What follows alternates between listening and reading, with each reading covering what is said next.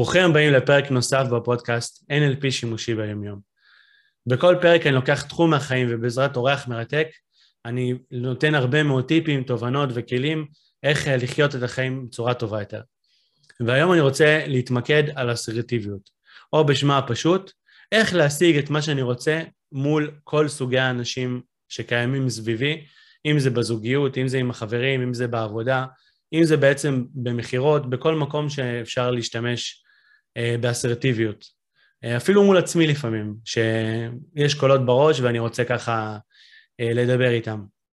ויש לי את הכבוד היום לארח את אה, רונית גולדברג. היי רונית, מה שלומך? היי אבי, תודה על ההזמנה. בכיף גדול, וככה רונית היא קודם כל היא המייסדת אה, והבעלים של מכללת מטרות, שבהכשרתה היא עובדת סוציאלית, היא פסיכותרפיסטית, מאמנת אישית בכירה, היא מוסמכת master trainer, שזאת הדרגה הגבוהה ביותר ב-NLP, ואפילו מחברת הספר להיות ההאקר של המוח שלך. הספקת הרבה מאוד, רונית. כן, אם רואים עליי את הגיל, אז אה, אתה יודע, יש מאחוריי ניסיון חיים, ובאמת אה, אני סטודנטית נצחית, אני אף פעם לא מפסיקה ללמוד, אז כן, יש הספק. איזה כיף. ו- ובחרתי בעצם לדבר היום על הנושא הזה של האסרטיביות. Uh, כמו שגם אמרתי לך מקודם, אני רואה אותך בתור מישהי מאוד אסרטיבית, השיגה הרבה מאוד בחיים שלה, ובאמת uh, יש הרבה מאוד אנשים ש- שעקבו אחרייך ולומדים ממך ומתפתחים בזכות כל החיים שאת מעבירה. ואם אנחנו מדברים על אסרטיביות, אז אולי קודם כל נפתח ונשאל בכלל, מה זה מבחינתך אסרטיביות? מה זה אומר להיות כן. אסרטיבי? יש את ההגדרה, אתה יודע, מהספרים, שמבחינה בין פסיביות לאגרסיביות לבין אסרטיביות. זאת אומרת שלפי זה אפשר אה, להניח שאסרטיבי זה פחות או יותר, אם אנחנו מדברים על טווח, הוא בין הפסיבי לאגרסיבי, אבל זה לא מדויק. כי כשאני, לפחות מנקודת המבט שלי, להיות אסרטיבי זה לדעת להתאים את התגובה שלך למי שנמצא מולך, ולדעת לנוע על המנעד הזה שבין אה, פסיבי לאגרסיבי, ממקום של בחירה, ממקום שאתה מבין מי עומד מולך ומהי השפה של המוטיבציה שלו, ובהתאם לזה לבחור את התגובה שלך. אמ, אם אני מחברת את זה ל-NLP, אם אנחנו מדברים על אה, נוסחת ההצלחה, נוסחת המצוינות, אז קודם כל זה לדעת מה המטרה שלי בשיח, האאוטקאם שלי, ואז באמת להיות מאוד חדת חושים ובהקשבה למה שאני שמה לב אליו, וכשאני מדברת גם כן לא רק על להקשיב באוזניים, אלא בכל החושים, ולהיות מספיק גמישה כדי לצאת מהמוד האוטומטי שלי ולהתאים את עצמי לזולת, ובהתאם לפעול. אז בעיניי זה הסוד לאסרטיביות, לקחת את המפתחות האלה וליישם אותם גם בקטע הבין אישי וגם בקטע התוך אישי, ביני לבין עצמי בכל הדיאלוגים שלי. עכשיו, את יודעת, השאלה הראשונה ככה, שכשאני חשבתי על אסרטיביות, אז השאלה הראשונה שמיד קפצה לי, היא בעצם, מה, אני צריך להתאים את עצמי לכל האנשים? זאת אומרת, זה לא, קודם כל זה נשמע לי עבודה מאוד קשה או מורכבת, ומצד שני אני אומר, אולי אני לא מוותר על עצמי באיפשהו, כאילו, מה זאת אומרת להתאים את עצמי לאנשים אחרים? לכן אני חושבת שאני צריכה לדעת מה האוטקום שלי. כי אם אני הולכת לנהל שיחה עם מישהו, זה יכול להיות בעבודה שיחה חשובה, אבל זה יכול להיות גם מישהו שיקר לליבי. אני לא רוצה להיכנס איתו לקונפליקט מהסוג המכוער, אני רוצה להגיע לפתרון בעיה. עכשיו, השאלה כמה אני נותנת פה מקום לאגו לשחק תפקיד. כי זה תמיד אה, נופל על זה. מה, שאני אתכופף בפניו, שאני אוותר על העקרונות שלי, שאני אלקק לו, הרבה אנשים תופסים את זה ככה. אם אתה מסתכל על זה דרך הפריים הזה, אז יכול להיות שזה אפילו מתפרש כאובדן אותנטי. אבל אם אני מנהלת איזשהו קונפליקט עם נגיד הבת שלי שיקרה לליבי, אני יודעת מה המטרה שלי בזה. ואני יודעת שכדי להגיע למטרה הזאת, אני צריכה לקחת בחשבון מה מפעיל אותה, מהם דפוסי המוטיבציה שלה, מה יגרום לה להקשיב בכלל למסר שלי. ולח... ואז אני בעצם לא מוותרת על המסר שלי ועל מה שאני רוצה להעביר, אלא אני מתאימה אותו לשפה שבו היא תבין אותו, קודם כל תהיה קשובה וגם תיישם אותו. אני הרבה פעמים לוקחת את האנלוגיה שאתה נוסע לחו"ל, אתה דובר עברית, נוסע לחו"ל, למקום שאין שם דוברי עברית. ואתה, אם תמשיך לדבר בעברית הם לא יבינו אותך. אתה רוצה אותו דבר, אבל אתה מתרגם את זה לשפה שלהם. זה לא אומר שוויתרת על העברית שלך, זה אומר שתקשרת איתם בשפה שלהם כדי להשיג את אותה מטרה שאתה רוצה. כך אני רואה את זה בהקשר הזה. אם אני אומרת, זה מי שאני, והרבה אנשים אומרים את זה, זאת מי שאני, אף אחד לא ישנה אותי, מתאים לך, תגידי תורליבי. לא מאמינה שזה עובד בחיים. כי כאן אנחנו באמת מפספסים את ההזדמנות להעביר את הדברים שחשובים לנו בשפה שאחר מבין, במקום להעביר את זה בשפה שהוא לא מבין ואז לא השגנו שום דבר.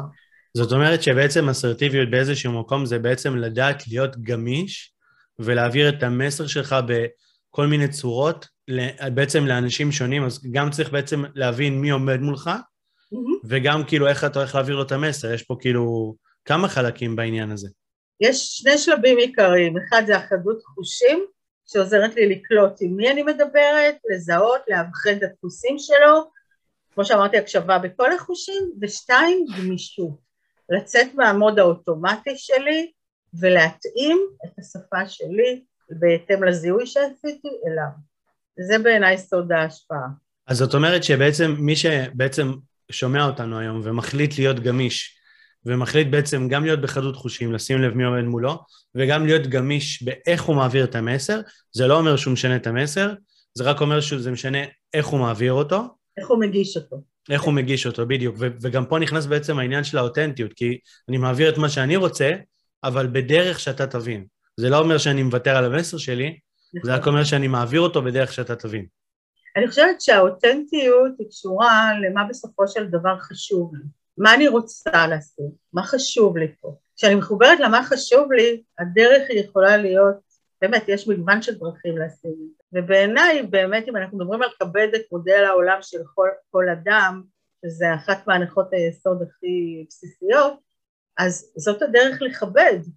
אני לא מוותרת על מה שאני רוצה, אני לוקחת בחשבון את הדרך שלך להבין את זה.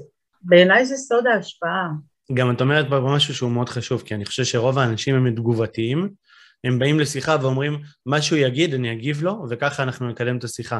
הם לא באמת חושבים לפני מה הם רוצים להשיג מהשיחה הזאת. Mm-hmm. וזה גם כאילו ברמה הכי בסיסית, עזבי מול הבוס, שזה עוד איכשהו הגיוני לתכנן, אם אני רוצה העלאה, אם אני רוצה להתלונן על משהו או כל דבר, אבל כאילו מול הבן שלי או מול הבת שלי או מול הבן זוג שלי, ממש לשבת ולתכנן עם מה אני רוצה לצאת מהשיחה. אני לא בטוח שכל האנשים עושים את זה. אני, אני בטוחה שלא, ואני חושבת שלכן אנחנו באמת הרבה פעמים מגיבים מהאוטומט, ובואו נודה על האמת, ככל שיש לנו שנות NLP, אנחנו עדיין בני אדם ויש לנו את התגובות האוטומטיות שלנו. העניין הוא שיש לנו פה בחירה, אם עשיתי משהו והוא לא עבד בשבילי, אז אה, לקחת איזשהו פסק זמן, לחשוב מה בעצם חשוב לי, מה אני רוצה, וברגע שאני באמת מפוקסת על התוצאה שאני רוצה ואני יודעת למה אני רוצה את זה, אז אני אדע גם למצוא את הדרך, לצאת מהאוטומט שלי ולמצוא את הדרך להגיש את המסר בצורה אפקטיבית. אה, כמו שאמרתי קודם, אני חושבת שהרבה פעמים מתערב פה אגו של אני לא אשנה את עצמי, אבל אני לא משנה את עצמי, אני נאמנה לעצמי. הדבר היחיד שאני משנה זה את הדרך להגיע לאאוטקאם למה שאני רוצה. ואני חושבת שברגע שאנשים מבינים את זה, אז uh, המון דרכים נפתחות להם. הרבה פעמים אני מדמה את זה לשלט. אדם שנמצא מולך, יש כפתורי הפעלה מסוימים שמפעילים אותו. השלט ביד שלך. אתה בוחר להשתמש בו, ללחוץ על הכפתור הנכון כדי להשיג את מה שאתה רוצה, זה יקרה. אתה לא משתמש בשלט הזה, אלא יש לך את. אני ככה וזהו, לא יהיה יעיל, לא יהיה אפקטיבי. את בעצם קוראת לעניין הזה שבעצם האסרטיביות והגמישות, ובעצם מה שאנחנו מדברים היום כמו שלט, שיכול ממש אה, לשלוט בתגובות של אחרים. זאת אומרת, אנחנו יכולים להפעיל אצלם כפתורים של כעס, ואנחנו יכולים גם בעצם להפעיל אצלם כפתורים של חמלה ואהבה ואמפתיה, וזה כאילו הכל תלוי איך אנחנו מגישים את הדברים. לחלוטין. אתה יודע, אני יכולה להגיד, אה, אני אוהבת אותך במיליון דרכים. השאלה איך אני אומרת שייצור את האפקט, ולא נכון. מה אני אומרת. ולפעמים כאילו רק מראים את זה במעשים ואפילו לא במילים, ואנשים כאילו רואים את המחוות הקטנות ואת הזה, ומבינים את זה לבד מעצמם. נכון, נכון. אז... אני אומרים שהנתון הזה של 93 אה, אחוז זה, זה ה... איך אומרים, וה-7 אחוז זה, זה מה אומרים, הוא כבר מוטל בספק בכל המחקר הזה, הוא משנות ה-70, אז כן. באמת אה, כבר אולי פחות אה, רלוונטי, וגם יש המון מחקרים שסותרים אותו, אבל עדיין אני חושבת שיש קונצנזוס על זה, שאיך אנחנו אומרים את הדברים מבחינת שפת גוף וטונציה, הרבה יותר משפיע מהתוכן המילולי שלנו. מקסים, אז, אה, אז דיברנו בעצם על אסרטיביות, עכשיו, לפני שאני צולל בעצם לאיך עושים את זה, הייתי רוצה לשאול אולי רגע עוד שאלה של בעצם, למה זה בכלל חשוב לדבר על זה, להציף את זה, להכיר את זה, מה, מה זה ייתן לנו כשנהיה יותר אסרטיביים, יותר גמישים, אה, שנבין איך, איך לדבר עם אחרים, מה זה ייתן לנו? אה, אני חושבת שאנחנו לא יכולים להצליח להשיג את מה שאנחנו רוצים בחיים אם אנחנו לא מפתחים את המיומנות הזאת. אמ, אני אומרת, כאילו החלק של התקשורת, אה, רציתי להגיד הבין אישית, אבל גם התוך אישית, זה גם הסיפור שאנחנו מספרים לעצמנו וכל השיחות הפנימיות שלנו, שבסופו של דבר מקרינות החוצה. כי ככה, אם אני מנהלת את הסטייט שלי דרך השיחות שלי עם עצמי, ואני מרגישה אה, כישלון או חסרת משאבים, או... אז גם כשאני רוצה להשיג משהו ואני אגיע אליך, זה מה שאני אקרין, ואנחנו יודעים שאיכות התקשורת זה המשוב שאנחנו מקבלים, אז אם אני לא אעשה את השינוי אצלי, הוא לא, הוא לא יפיק את התוצאות שאני רוצה. ואם היום הפוקוס שלנו על התקשורת הבין-אישית, אז אני אומרת, קודם כל נתחיל מעצמנו, אבל גם פה מאוד מאוד חשוב, כדי להשיג את המטרה שאני רוצה, היא, אני, אני לא יכולה להשיג את הדברים לבד. אני בדרך כלל אצטרך איזה שהם שיתופי פעולה, או לפחות היענות לשיתוף פעולה מצד הצד האחר. אה, אם אני רוצה להוציא לפועל איזשהו פרויקט שמאוד חשוב לי, וחשוב לי להצליח בו, מן הסתם אני אצטרך מישהו למכור לו את הרעיון, או אפילו לגייס אותו כשותף. כאן הכישורים האלה הם קריטיים, כי אם אין לי את הכישורים האלה, אז יכול להיות שיש לי רעיונות נפלאים וחזון מדהים, אבל אני לא אוכל לממש ולהגשים אותו. אני חושב שזה אפילו ברמה אפילו עוד יותר אה, יומיומית, זאת אומרת, אפילו אה, אנשים שחיים נגיד באיזשהו אה, משפחה, כאילו עם בני זוג וילדים, ונניח שהם רוצים לצאת אפילו לאיזשהו טיול מסוים, הם רוצים שהבית יתנהל בצורה מסוימת, הם רוצים לנהל את מטלות הבית, הם רוצים לנהל כל מיני דברים, אז מן הסתם כשהם ידעו איך להעביר את המסר שלהם, אז קודם כל הם ישיגו הרבה יותר יהיה להם יותר נעים בבית, יהיה להם יותר כיף עם, ה, עם כל הדברים שהבית יתנהל בצורה יותר זורמת, וגם יהיה פחות חיכוכים עם הבני זוג ועם הילדים. אם זה, אם זה נגיד שכירים אז זה בעבודה, ואם זה עצמאים אז גם מול לקוחות, ובכלל גם בשיווק שלהם, זאת אומרת, זה ממש פוגש אותנו בכל מקום. לגמרי. תקשורת זו תקשורת זו תקשורת. אתה יודע, אני גם אה, אחד העיסוקים שלי, אני גם יועצת ארגונית, אני עושה, אני מעבירה הרבה סדנאות בתוך ארגונים, סדנאות למנהלים או סדנאות שירות או כל מיני סוגים ואני אומרת זה לא משנה על מה אנחנו נדבר, אם אנחנו מדברים עכשיו על הלקוחות שלנו או על הקולגות שלנו או על הילדים או בני הזוג שלנו, העקרונות הן אותם, עקרונות, זאת אומרת אנחנו לא משתמשים בעקרונות אחרים, אולי התוכן הוא שונה, אבל וכאן בעיניי הנחות היסוד של NLP ברגע שאתה מיישם אותם, ברגע שאתה בכלל תוהה על הכוונה החיובית של מישהו שנורא מעצבן אותך, אז אתה כבר משנה משהו בראייה שלך. במקום של כעס אתה מגיע למקום של חמלה, אז כל התקשורת משתנה. ואני תמיד אומרת שאם אני צריכה ללמד דבר אחד מתוך ה-NLP, אני אלמד את הנפות. ויש כאלה שיש להם את זה באוטומט, ויש כאלה שצריכים ללמוד את זה. כן, ממש לעבוד על זה, אבל זה באמת אה, משנה חיים. אני יכול להגיד לך שלי זה שינה ממש את כל החיים.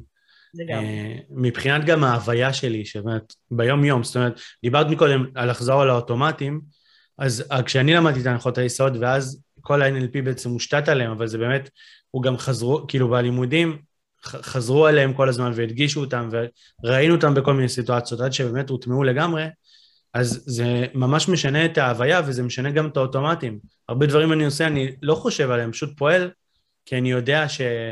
נגיד מאחורי כל התנהגות קיימת כוונה חיובית, וזה כאילו משהו שהוא ברור לי, זה, זה האוטומט.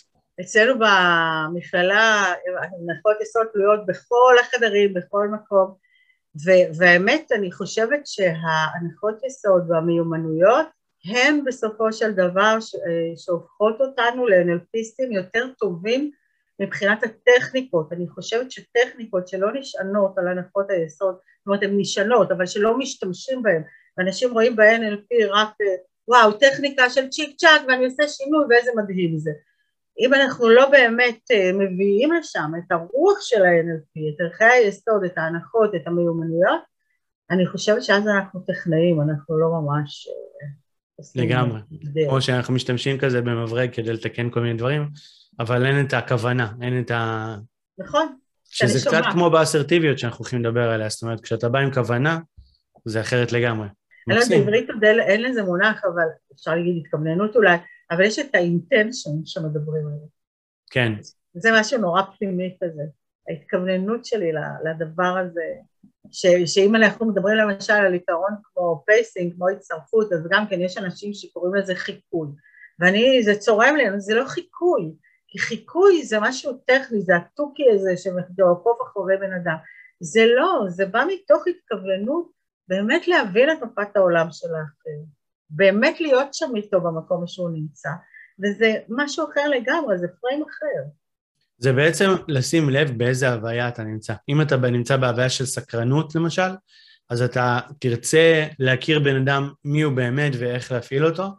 לעומת זאת, אם אתה תהיה בהוויה של, אוקיי, אני רוצה להשיג מה שאני רוצה, כאילו להתרכז כאילו רק באאוטקאם שלי, בלי, בלי, לא מעניין אותי כאילו מי מולי, אז, אז כאילו כל השיחה כנראה תהיה אחרת. אני קוראת לזה, הרבה פעמים באמת, אה, יש לנו המון שיחות על זה גם בשיעורים, הקושי שלנו, כולנו הרי מתקשים עם חוסר ודאות, ואז אנחנו נורא מתבצרים במקום היודע. והאתגר הוא לצאת מהמקום היודע למרחב של חוסר הידיעה. וכשאני מוותרת על המקום היודע ואני באמת סקרנית לגלות, שם אני הרבה יותר בהקשבה, שם אני הרבה יותר בהתכווננות. אבל כשאני באה, אה, אני יודעת, אני מכירה טיפוסים כמוהו, אני יודעת בדיוק איך לדבר איתו, אני יודעת מה להגיד לו. אגב, כל הסיווגים האלה לסגנונות תקשורת, זה בן אדם כזה, זה בן אדם כזה, זה בן אדם כזה, אני חושבת שבאיזשהו מקום אה, הם עושים אה, איזשהו, אה, הם פוגמים בתקשורת כי, כי אני מניחה הנחות מראש ופועלת בהתאם להן ואני לא בודקת את התקפות שלהן. אז בעיניי המקום הזה של לוותר על ה"אני יודע" ולעבור לסטייט של סקרנות, מסקרנית לגלות ולהיות באיזשהו סטייט של הקשבה וחדות חושים, הוא, הוא באמת מיומנות מאוד uh, חשובה כדי להשיג את הדבר הזה שחשוב. באיזשהו מקום כאילו גם סקרנות זה קצת ההפך מלהכניס אנשים לתבניות של סגנון תקשורת. לגמרי, לגמרי. המודל של הלאב, ה-language and behavior, שבעצם uh, אני, אני מלמדת אותו, אבל הוא נורא ריתק אותי גם כשהייתי סטודנטית, שרק כשלמדתי את ה-NLP, שהבנתי שאנשים uh, אה, עושים, אנחנו מדברים על מודל התקשורת, שהסילופים, ההכללות וההשמטות הם בעצם איזשהו תוצר של האופן שבו אנחנו משתמשים במטה פרוגרם שלנו והן שיוצרות בסופו של דבר את התבניות האלה, הן שיוצרות את החוויה הפנימית, זה נורא סקרן אותי כי אני מאז ומתמיד שפה היא ריתקה אותי והנושא של השפעה מאז ומעולם ריתק אותי וזאת הסיבה גם שבחרתי בסופו של דבר במקצוע שבחרתי בו להיות עובדת סוציאלית, קלינית בתחום של בריאות הנפש ולכן אה, באמת גם כששמעתי על זה מאוד היה חשוב לי ללמוד את זה לעומק והלכתי ונסעתי אה, לחו"ל לעשות אה, קורס של שבועיים פלוס אצל שלי רוז שרווה שהיא סמכות מספר אחד בעולם בנושא הזה וללמוד את הנושא של שפת ההשפעה. ואחד הדברים שמאוד דיבר אליי במודל הזה, ואומנם אנחנו מקשיבים וממפים את תבניות השפה וההתנהגות של אנשים ודרך זה מזהים מה מפעיל אותם, אבל זה משהו שאנחנו כל הזמן אונליין שמים אליו, אליו לב. זה לא שאני אומרת, אוקיי, הבן אדם הזה הוא בן אדם אינטרנל, אה, זאת אומרת על פיו יישק דבר והוא זה ואני צריכה לדבר איתו עכשיו בשפה הזאת. אנחנו קודם כל מבינים שזה תלוי הקשר, ויכול להיות שהוא יכול להיות מאוד כזה בבית ובעבודה או משהו אחר או להפך, והמקום הזה של להיות סקרנית לגלות ולהיות בהקשבה, מאפשר לי לזהות אפילו ניואנסים, וברגע שההקשר משתנה והתבנית משתנה, לדעת מה קורה שם. ובעיניי זה סוד ההצלחה, לא, לא לקטלג אנשים ולהגיד זה כזה וזה כזה. זו גישת החיים שלי בכלל, אבל... אז, אז אני רוצה לשאול אותך, באמת, אמרת שאת אוהבת אה, בעצם לדבר על שפה ו, ובעצם להשתמש בשפה בצורה נכונה וחכמה.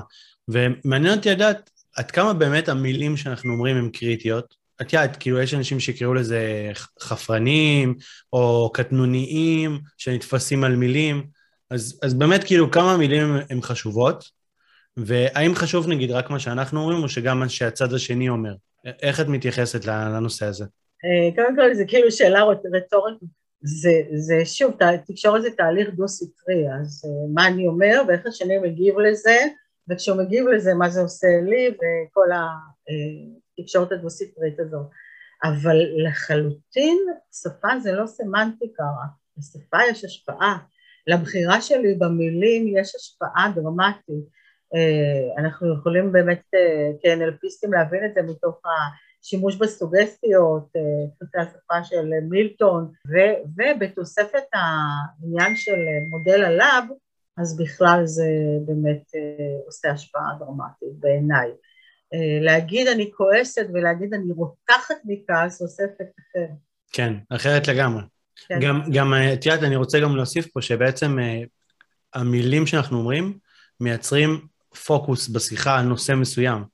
איך שנציג את הדברים, שם יהיה הפוקוס. לגמרי. זאת אומרת, אני יכול להתרכז על הכעס, אני יכול להתרכז על, אה, על... נגיד, אני יכול לדבר עליי, אני יכול לדבר עלייך, אני יכול לדבר על, ה, על היחסים בינינו, אני יכול לדבר על הרבה מאוד דברים, וזה כל, כל דבר יוביל למקום אחר. נכון. האנרגיה זורמת לכיוון שבו תשומת הלב מתמקדת. אני יכולה לשאול אותך, או את הילד שחוזר מבית הספר, איך היה לך היום, ואני יכולה לשאול אותו ממה נהנית היום. וכיוונתי את הפוקוס שלי לאן שאני רוצה, את הפוקוס שלו לאן. אז אולי כדאי להגיד שכאילו במילים שאנחנו אומרים ובכלל בשפה יש לנו הרבה הרבה מאוד כוח. שמי שלא יודע, לפעמים אולי קצת מוותר על הכוח הזה, אבל יש לנו הרבה מאוד כוח והשפעה, גם אם נרצה וגם אם לא. אני שמעתי, אה, אני לא זוכרת איפה, שהמילים אברה קדברה שחושפים אומרים, זה כאילו המשמעות של זה, אברה כדברה, כאילו מה שאני אני בורט את המציאות דרך המילים שלי, שזה רעיון מוכר, אבל ההבנה שאברה קדברה, הקסם הזה מתרחש באמצעות מילים, זה מדהים. אז אנחנו בעצם יכולים לעשות אברה קדברה משל עצמנו, והייתי שמח אולי שנדבר קצת יותר לעומק בתכלס, איך עושים את זה. זאת אומרת, איך אני, בוא נניח שאני לא מכיר את מודל הלאב, ואני לא מכיר איך מילים יוצרות מציאות, ואני כן רוצה לשפר את התקשורת שלי, אז איך אני עושה את זה? על מה אני אמור להתמקד? אז, אז לכן אמרתי, אני חושבת שקודם כל זה מתחיל בגישה שלי. זה לצאת מהמקום של התיוגים וההכללות, ואני מכיר בני אדם כאלה, ואני מכיר טיפוסים כאלה. כל הדיבור הפנימי הזה שמשאיר אותנו ב, אה, במפה המאוד מוגבלת שלנו, בגבולות מאוד מוגדרים. אם אני רוצה להשפיע, אני קודם כל צריכה לצאת מהוודאות ולהיכנס לסטייט של סקרנות. בעיניי זה הדבר הראשון. הדבר השני זה באמת, אה, ברגע שאני נמצאת ב state של סקרנות, זה להפעיל את כל הכלים אה, החושיים שלי, את כל היכולות החושיות שלי, וכשאנחנו באמת מדברים עם קוסמים, מנטליסטים, בסך הכל זאת המיומנות העיקרית שהם משתמשים בה, בחדות חושים, הם עושים עוד כמה דברים, אבל חדות חושים קודם כל. Mm-hmm. אז כשאני באמת מוותרת על המקום היודע, ואני מאוד סקרנית, ואני מפעילה חדות חושים, אני אוספת מידע. עכשיו, אני משוחחת עם מישהו, ותוך כדי, אז אני גם עושה קליברציה, ושוב, אנחנו, יש לנו יתרון כאנלפיסטים, וגם בהקשבה מאוד מאוד מאוד מאוד רגישה, לא, לא רק למה הוא אומר, אלא לאיך הוא אומר. וכשאני מקשיבה לאיך הוא אומר את הדברים, אני יכולה לזהות כל מיני תבניות. לדוגמה, יש אנשים שהם אנשים של שורה תחתונה. אתה תשאל אותם שאלה, הם יענו לך במשפט אחד שאתה לפעמים תשאל אותם למה אתה מתכוון, זאת אומרת אתה תצטרך לדלות עוד אינפורמציה. לעומת האנשים ששאלת שאלה, אתה מקבל טקסט ארוך כאורך הגלות, ואם אתה לא אדם כזה, זה לפעמים מתיש אותך. אז גם אנחנו צריכים לזכור שזה אנחנו, יש את התפוסים זה דו-כיווני. נכון. אז כשאני מקשיבה לא רק למה אנשים אומרים, אלא לאיך הם אומרים, אני יודעת גם איך להגיש את המסר שלי. אז אם זיהיתי שמישהו נורא ספציפי, אם אני אענה לו בשו, במילה וחצי, פספסתי אותו. אני לא אצליח להשפיע עליו. אני אצטרך לענות לו במבנה ספציפי.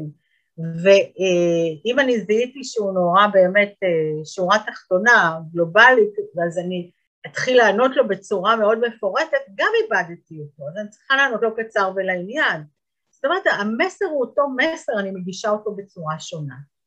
אבל לשם כך התנאי צריך להיות אותו מקום שבו אני סקרנית לגלות. ואני כל הזמן שואל, אני אה, גם, חושבת שיש לי גם את העניין של לא להיות עסוקה בשיחה הפנימית, כי אז אני מאבדת את ההקשבה. רגע, מי הוא? רגע, מה הוא? רגע...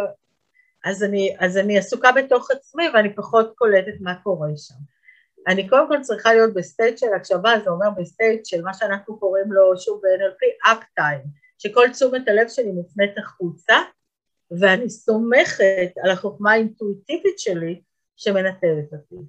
כשאנחנו לגמרי שם, וזה לוקח זמן כי אנחנו צריכים להתנסות ושהידע סביב להיות בטוחים בזה שזה יגיע בזמן הנכון, אז באמת אנחנו יכולים להתאים את המסר שלנו בצורה אה, מצד אחד אינטואיטיבית, מצד שני מאוד מושכלת אה, לאחר. אז מה שאנחנו צריכים לעשות זה קודם כל לפתח את המקום הזה ולהקשיב לאנשים לא רק לדברים שלהם, אלא לאיך הם בונים את המסר שלהם.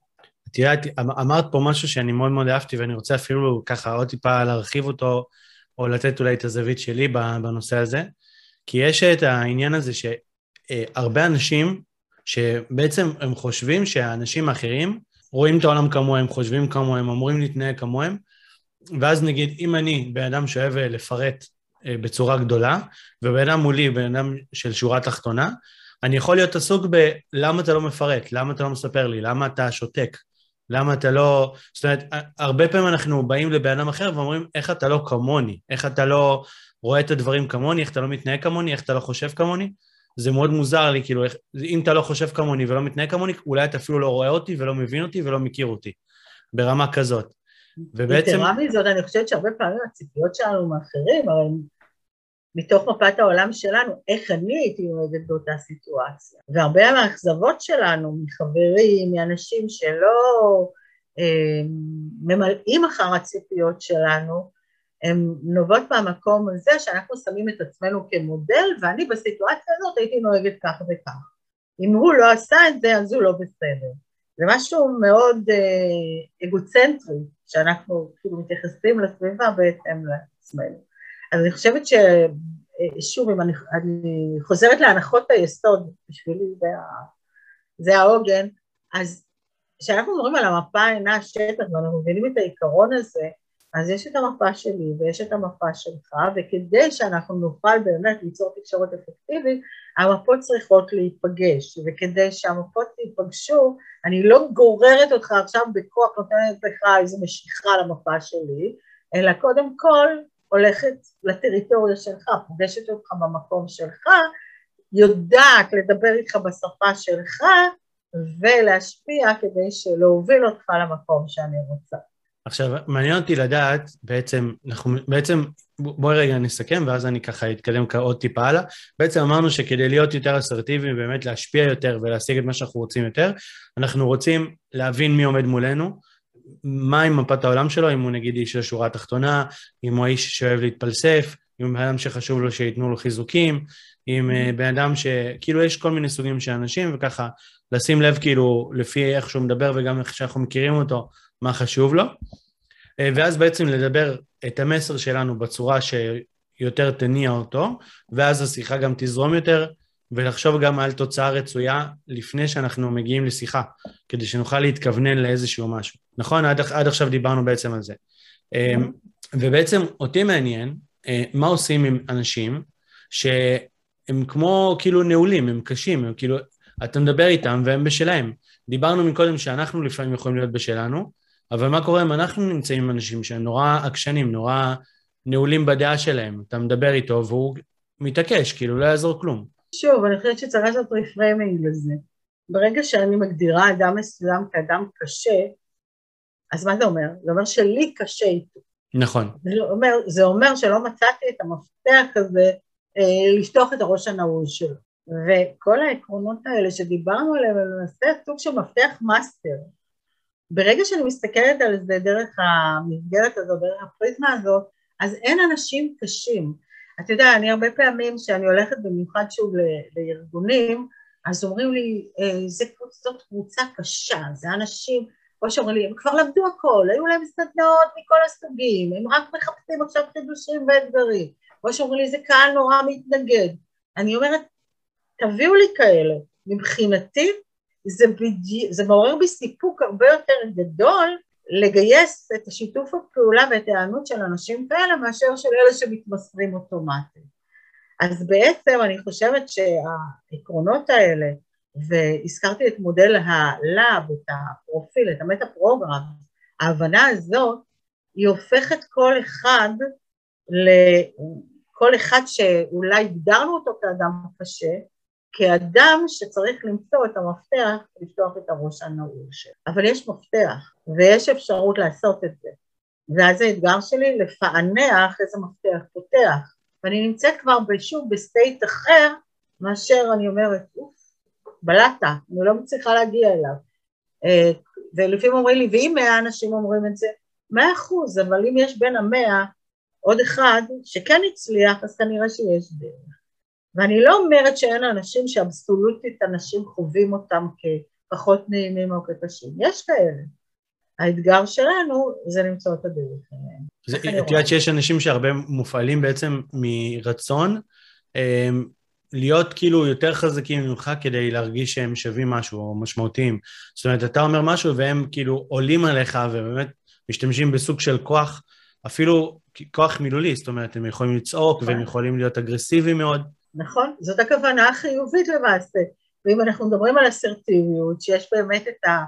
בקצה של הטווח את האגרסיבי, הרי מה בעצם רוצה האגרסיבי? שהוא צורח והוא מתלהם ולפעמים משתמש במילים בוטות. מה מניע אותו? הצורך שלו בשליטה. תמיד צריך שליטה. מישהו כן. שמרגיש חסר אונים. וכשאנחנו מבינים את זה, ואנחנו מבינים את מאיפה זה בא, אז אנחנו יודעים לכוון גם כן למקום הנכון. זה מזכיר לי שהנחיתי פעם סדנה לפיזיותרפיסטים בקופת חולים. ואתה יודע מתי אנשים בדרך כלל הולכים לפיזיותרפיסטים שהם מאוד כאובים או פציעות או כל מיני אה, בעיות שגורמות להם לכאב. ואז הם מגיעים והם רוצים לקבוע תור אה, לפיזיותרפיסט והתורים, תורי המתנה הם נורא ארוכים. והרבה פעמים מה שהם ככה סיפרו זה שאנשים מתפרצים עליהם בכעס. עכשיו, הם לא אשמים, זאת המערכת, אבל אנשים נורא נורא כועסים עליהם ומתפרצים עליהם, ואז הם נכנסים לעמדת התגוננות וחווים שם רגשות מאוד מאוד לא נעימים ולא טובים. ואחד הדברים שעבדתי איתם זה באמת לזהות מאיפה זה בא. אני, אני אומרת שבכלל אנחנו כישראלים אגב אה, לחכות בתורים או בכלל להמתין זה לא בא באופי שלנו. כן, או לשמוע לא. כן? כן. אנחנו ישר מחפשים איך אפשר לקצר. אבל מעבר לזה, אדם שהוא כאוב, ואתה אומר לו עכשיו תחכה, ואני סובלת ויש לי כאבי תופת בצוואר, ועכשיו אני צריכה לחכות חודשיים לתור שלי, וואלה, זה מעצבן בטירוף. ואז אה, יוצאים כל ה... יוצאות כל האגרס. אז אם אני בעצם מדברת עם האדם הזה, ואני מבינה את הכוונה החיובית שלו, ואני מתייחסת לכוונה החיובית, ואני אומרת, אני יודעת שנורא נורא כואב לך, ומה שהכי חשוב לך עכשיו, שיהיה לך תור מיידי. מה שאני יכולה לעשות בשבילך זה, אז למשל, מה שהם עשו, וזו הייתה הברקה, במקום להגיד, אני מכניסה אותך לרשימת המתנה, אפרופו הכוח של מילים, רשימת המתנה, מה יש במצג הפנימי שלך, אני יושב עכשיו ומחכה. הם אמרו לו, אנחנו מכניסים אותך לרשימת הקדמה.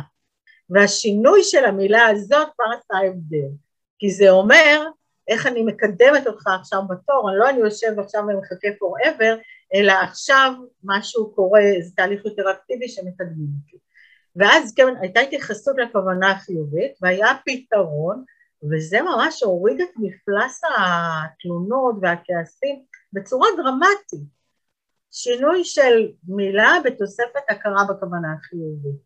אז לפעמים אנשים אגרסיביים לא כי הם כאלה, כי יש שם משהו מאוד חלש, הם מאוד לא מחוברים למשאבים שלהם, והיכולת שלנו באמת לעשות את הסוויץ' אה, הזה ולחבר אותם, כאילו במקום להיפגע, לקחת את זה אישית, לראות את האדם בחולשתו ולהגיד כל מה שאני צריכה עכשיו זה לחבר אותו למשאבים שלו, אני חושבת שזה זה, זה היכולת המדהימה של ה-NLPיסטים, באמת. אז, אז קודם כל את צודקת, אני חושב שזה גם כן, אה, זה, זה בעצם, זה בעצם כשבן אדם מצליח לעשות את זה, זו גדולה מטורפת, והוא בעצם יכול להתמודד כמעט עם כל בן אדם, כי הוא לא לוקח את הכעס אליו, אלא אומר כאילו הכעס נשאר בצד שלו, ואני לא מכניס אותו לעולם שלי. יש את העולם שלו, שם הוא כועס, יש את העולם שלי, אצלי יש פחות כעס, וכאילו, אני לא נותן לזה להיכנס. זה, זה סוג של חוסן מנטלי שבעצם אה, יכול לחזק ולא לערבב את, ה, את ההוויה שלו עם ההוויה שלי באיזשהו מקום. נכון, לפעמים זה יכול להיות מאתגר מאוד. כן. אני יודעת שבאמת, אם אנחנו מדברים על, דיברנו על אחד על אחד, אבל גם מול קהל, הרבה פעמים אנשים מדברים על קהל עוין או קהל מתנגד, או... אבל זה אותם אה, עקרונות חלים פה. איך באמת אני פוגשת את הקהל שלי במקום שהוא נמצא בו, ואיך אני מרככת אותו ומביאה אותו באמת אה, יד ביד למקום שאני רוצה להוביל אותו, אבל בשביל זה אני צריכה קודם כל להיות מחוברת למשאבים שלי. כי אם אני ארגיש את הביקורת הזאת, אז אני אתנתק מהמשאבים שלי ואז זה לא אפקטיבי. אז זהו, אז, אז באמת רציתי כאילו לדבר על משהו שהוא בעצם, לדעתי, אולי אפילו הכי חשוב פה. כי בעצם עד עכשיו דיברנו על איך עושים את זה, אה, מפרידים מפה שלי ממפה שלו, מדברים איתו בדרך שבה הוא יבין את המסר בצורה הטובה ביותר, אבל, יש פה אבל מאוד גדול, זה שבעצם יש לנו רגשות ויש לו רגשות, והרבה מהתקשורת זה בעצם סוג של פינג פונג רגשות.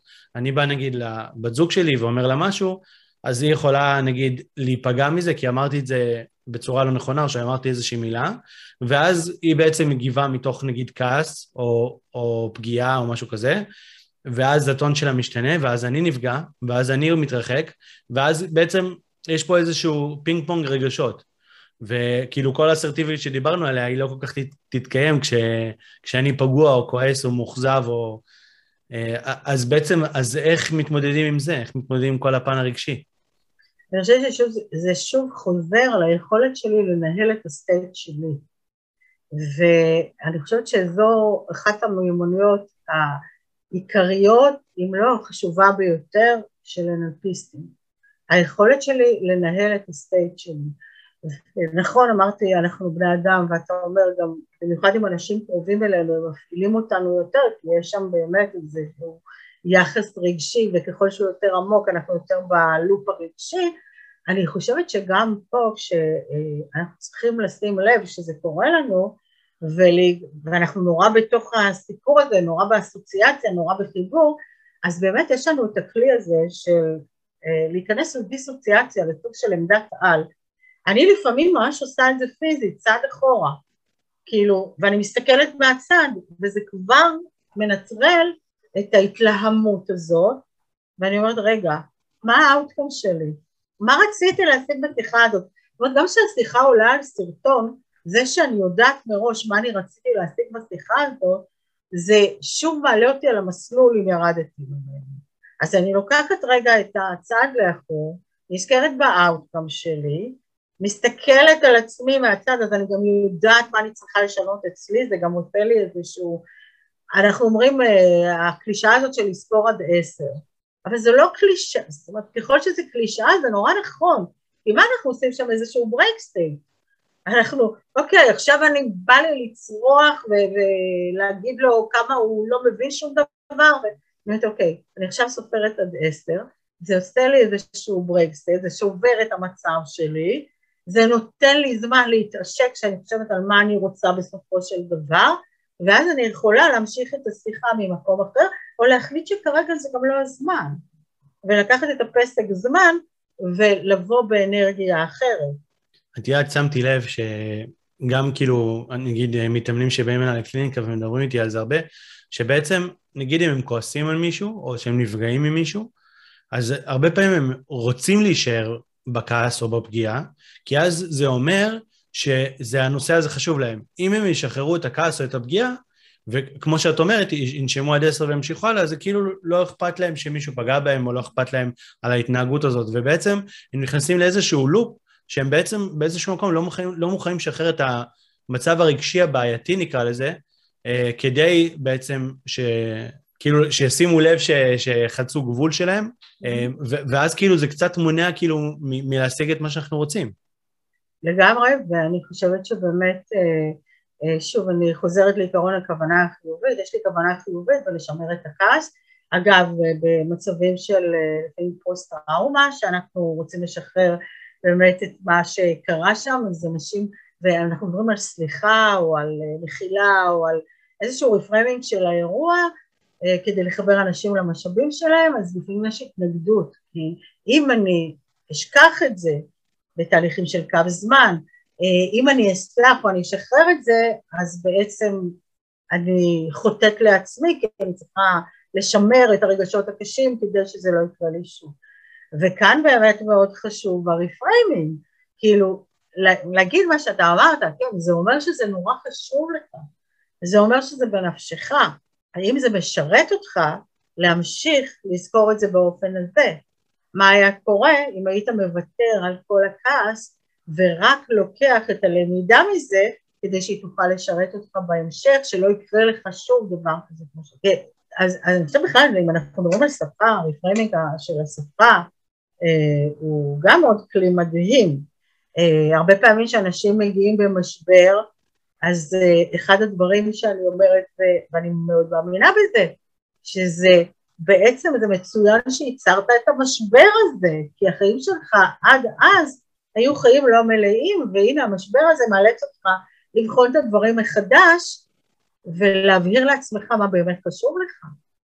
כן. אז אם הייתה מריבה כזאת עם בן זוג, אוקיי, זה אומר שמשהו שם מאוד חשוב, ערך שמאוד חשוב לך אולי מופר, בוא נבחן מהו הערך הזה ואיך אתה יכול לממש אותו, או להעביר, לתקשר אותו בצורה אה, שהאחר יבין שהוא עבר את הגבול, זאת אסרטיביות, זאת למעשה אסרטיביות.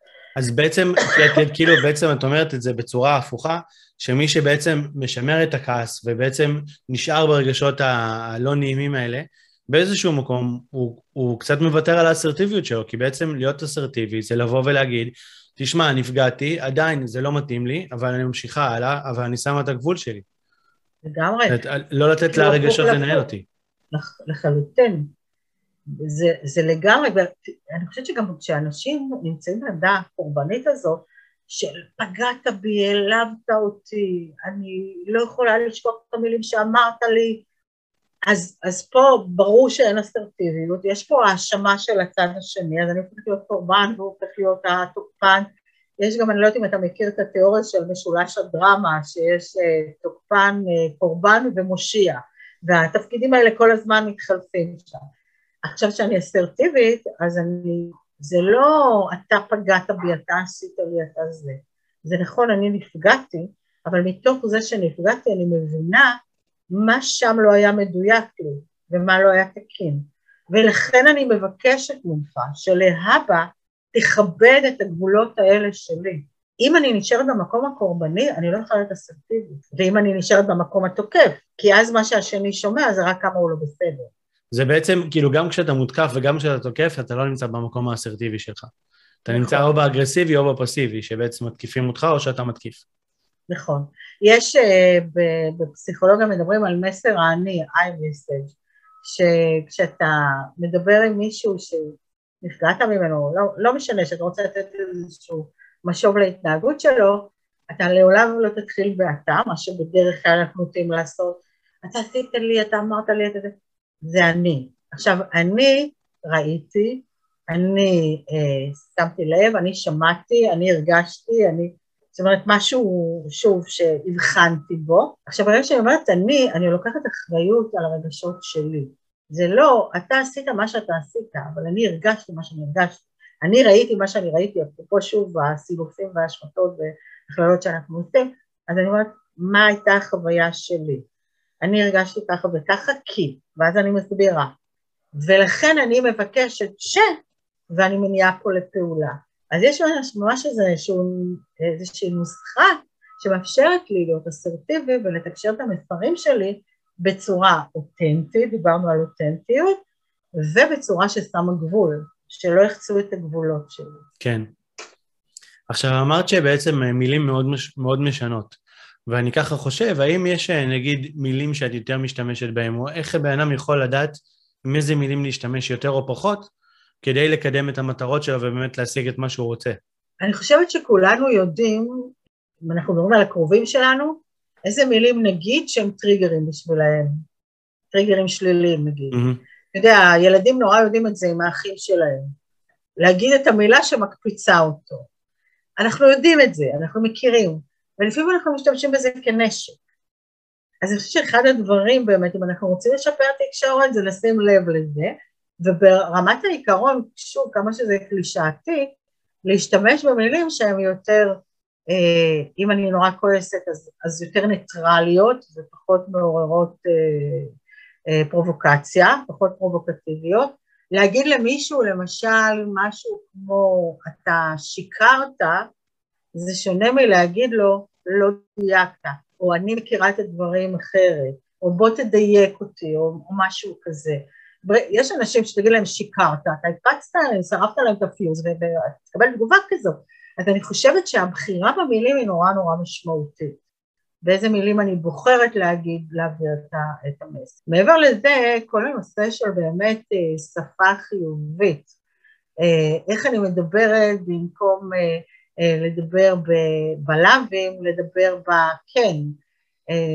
אגב, אני גם כן דיברתי על זה באיזשהו הקשר של תקשורת ארגונית, של איך אנשים, ארגונים לפעמים, אפילו מוסדות ציבור, מעבירים מסרים ללקוחות שלהם.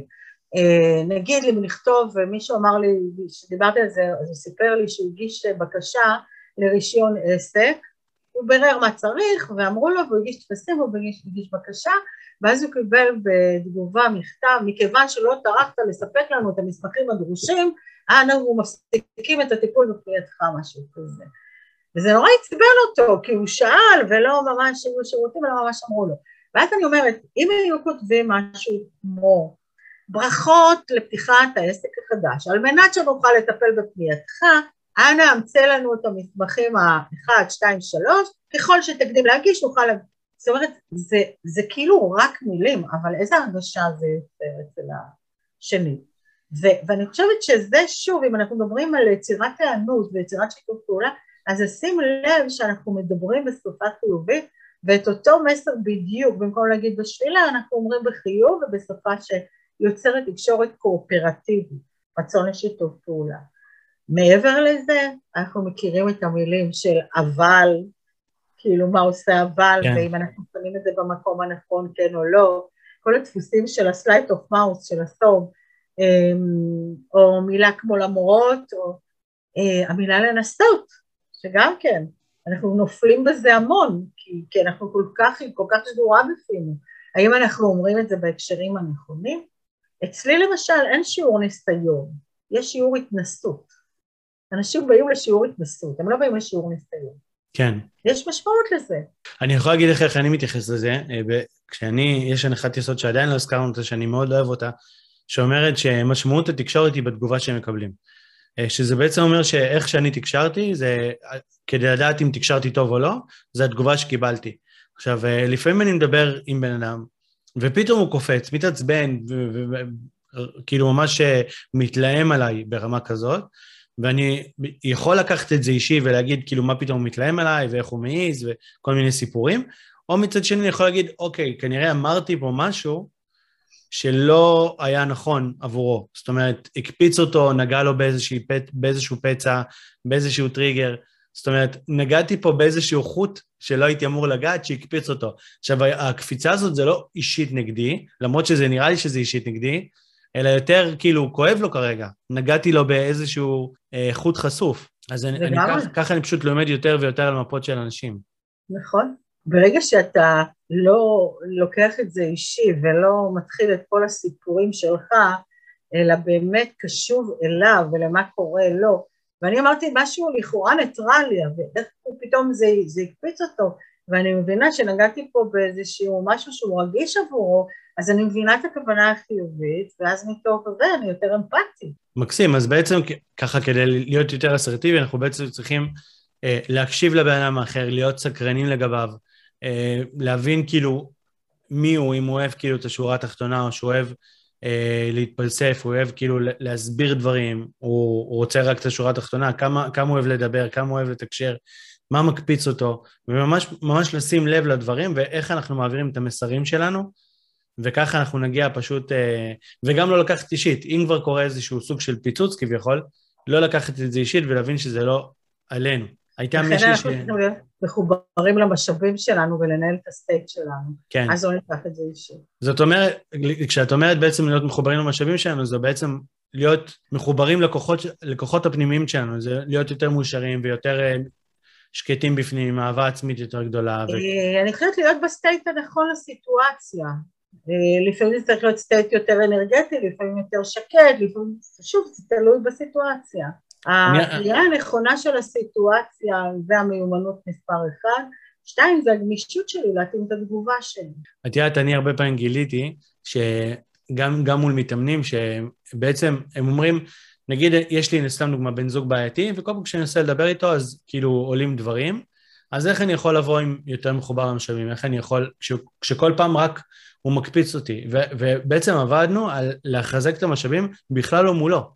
זאת אומרת, מה שנקרא כמו שיש את האימונים ואת הקרב, אז באימונים אתה עושה דברים עם עצמך. מה הכוונה? נגיד את יוצאת להליכה, את מחזקת את המשאבים. את עושה איזשהו תחביב שאת אוהבת, מחזקת משאבים.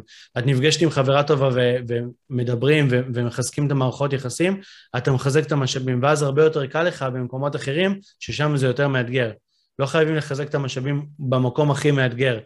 אפשר mm. לחזק, מה שנקרא, במקומות אחרים, וזה כאילו מלהביא את היכולת הזאת למקומות האלה. כן, זה כאילו להטעין את הסוללה, וברגע שהסוללה טעונה, אז אתה יותר משאבי בהקשרים היותר מאתגרים, לחלוטין. ו- ושוב, אני אומרת, כאנלפיסטים יש לנו את היכולת לנהל את הסטייט שלנו, אפילו ליצור עוגנים לסטייט הרצוי. אם אני יודעת שהוא מקפיץ אותי ואני צריכה לבוא לשם רגועה, אז אפילו ליצור עוגן של רוגע כדי שבשיחה הזאת אני אוכל להיות יותר רגועה. כן. אה, או אם אני מול קהל, אז באמת לשאול את עצמי באיזה אנרגיה אני רוצה להיות. יש אין סוף אה, אה, סיטואציות שבהן אנחנו יכולים באמת להשתמש בכל הכלים הדי מדהימים הללו, ו- ודיברנו כאן, נתתי את הדוגמה של שורה תחתונה לעומת ספציפי, אבל אתה יודע, יש אנשים, הרבה פעמים אנשים שמעצבנים אותנו, זה אנשים, נגיד אני נורא מתלהבת מרעיון, ואז אני באה לבן הזוג שלי, ואני מצפה לקבל תמיכה, והוא רק כותב את הרעיון, הוא רק מספר לי למה זה לא יצליח. עכשיו, אם אני מבינה שהוא טיפוס של התבנית, המטה פרוגרם שלו זה away from, הוא זה שרואה את הסיכונים, הוא זה שרואה את הבעיות. אני מאוד towards, אני מאוד על זה, להפך, זה ממש חשוב שאני אקשיב לו, כי יש דברים שאני לא לוקחת בחשבון, אז זה לא שהוא עכשיו רוצה להוציא לי את הרוח מהמפרצים, אלא זו צורת החשיבה שלו. אם אני אקח בחשבון את מה שהוא אומר, אז אני אצליח ליישם את מה שאני רוצה, תוך באמת לקיחה בחשבון של הכשלים שעלולים להיות ואולי למנוע אותם מראש. אז, או, או מישהו מאוד אינטרנל, uh, ואני ואני ואני, לעומת אקסטרנל, זה שצריך את החיזוקים. כשאני מזהה את זה, אני יודעת באמת איך לדבר בזה, איך לדבר בשפה, ואיך לנהל את התקשורת בצורה מיטבית. זה בעיניי הדבר הכי משמעותי. אז תודה רבה רבה על כל הידע והדברים שחלקת איתנו היום. היה לי מאוד מאוד מרתק, ודיברת הרבה על הקורס של הלאב, וגם ככה הצצתי וראיתי שזה קורס מאוד מקיף, אז הייתי מאוד שמח אם תספרי כמה מילים על הקורס ואיך אפשר אה, בכלל, כאילו, לשמוע אותך בעוד מקומות. אה, תודה, תודה, בכלל תודה על ההזדמנות. אני, אה, יש לנו מגוון של קורסים במכללת מטרות, אנחנו כרגע דיברנו על שפה ודיברתי, הזכרתי את מודל הלאב, מודל הלאב מונה 14 דפוסים אה, של, שלומדים אותם, תבניות שלומדים לזהות אותם בשפה של אנשים, בשפה ובהתנהגות שלהם, לכן זה נקרא Lab, Language and Behavior, וברגע שאנחנו מזהים אותם אנחנו יודעים להתאים את השפה שלנו אליהם כדי לגייס את המוטיבציה. יש אה, שישה דפוסי מוטיבציה ושמונה דפוסי עבודה, זה נקרא, שהם מסבירים לנו איך אנשים עושים פרוססים של המידע.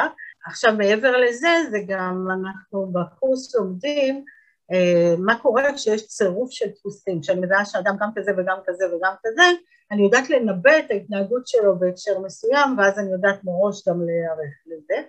אז אה, זה קורס של אה, חמישה מפגשים, מאוד כיפי, נותן המון המון כלים, ונשים קישור שאם אנשים מתעניינים הם יכולים לראות, אולי גם עוד דברים שיעניינו. ותודה, תודה על האפשרות. תודה רבה רונית, היה ממש מרתק. תודה רבה.